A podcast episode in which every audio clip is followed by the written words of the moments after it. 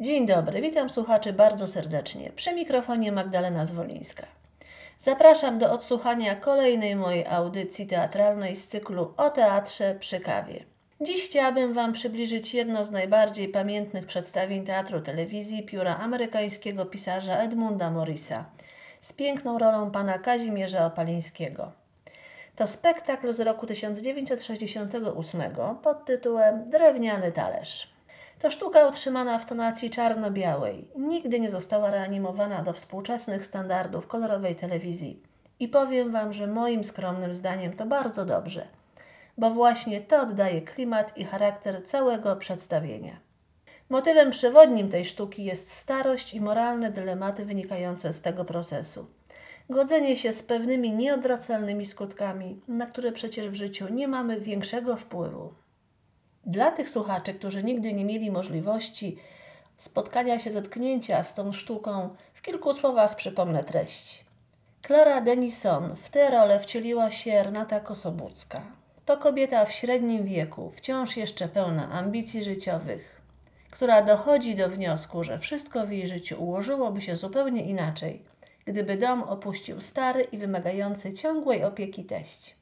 To właśnie w nim upatruje przyczynę wszystkich swoich niepowodzeń życiowych, między innymi jakiej się wydaje obojętności męża. Zaczyna szantażować małżonka koniecznością dokonania przez niego wyboru pomiędzy nią a ojcem.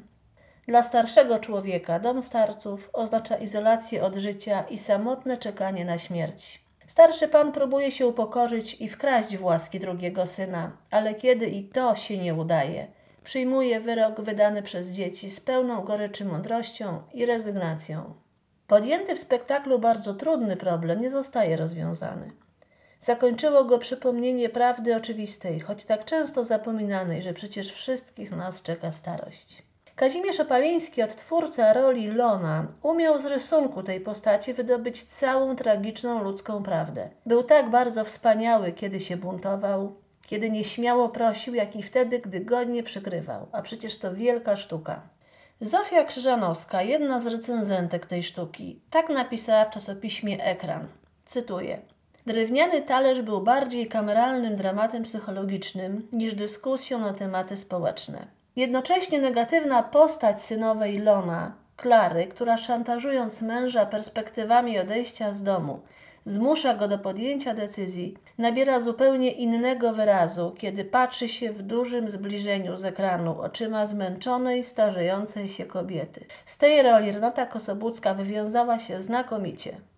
Drodzy słuchacze, bardzo serdecznie zachęcam Was do obejrzenia tego spektaklu i do podzielenia się swoimi spostrzeżeniami i przemyśleniami ze mną na moim profilu na Facebooku Zaraz Wam podam link do tego teatru, do tej sztuki, żebyście nie musieli, nie musieli szukać w internecie, bo naprawdę ta sztuka jest warta tego, żeby ją obejrzeć. Ja oglądałam ją osobiście kilkakrotnie i szczerze mówiąc, naprawdę bardzo, oglądając, bardzo się wczuwałam w nią, bo przedstawia bardzo ważne i chyba bliskie każdemu człowiekowi problemy. Dlatego naprawdę zachęcam i zachęcam do komentarzy, do rozmów. A dziś kończąc tę audycję, dziękuję Wam za poświęcony czas, za uwagę i do usłyszenia w kolejnej audycji.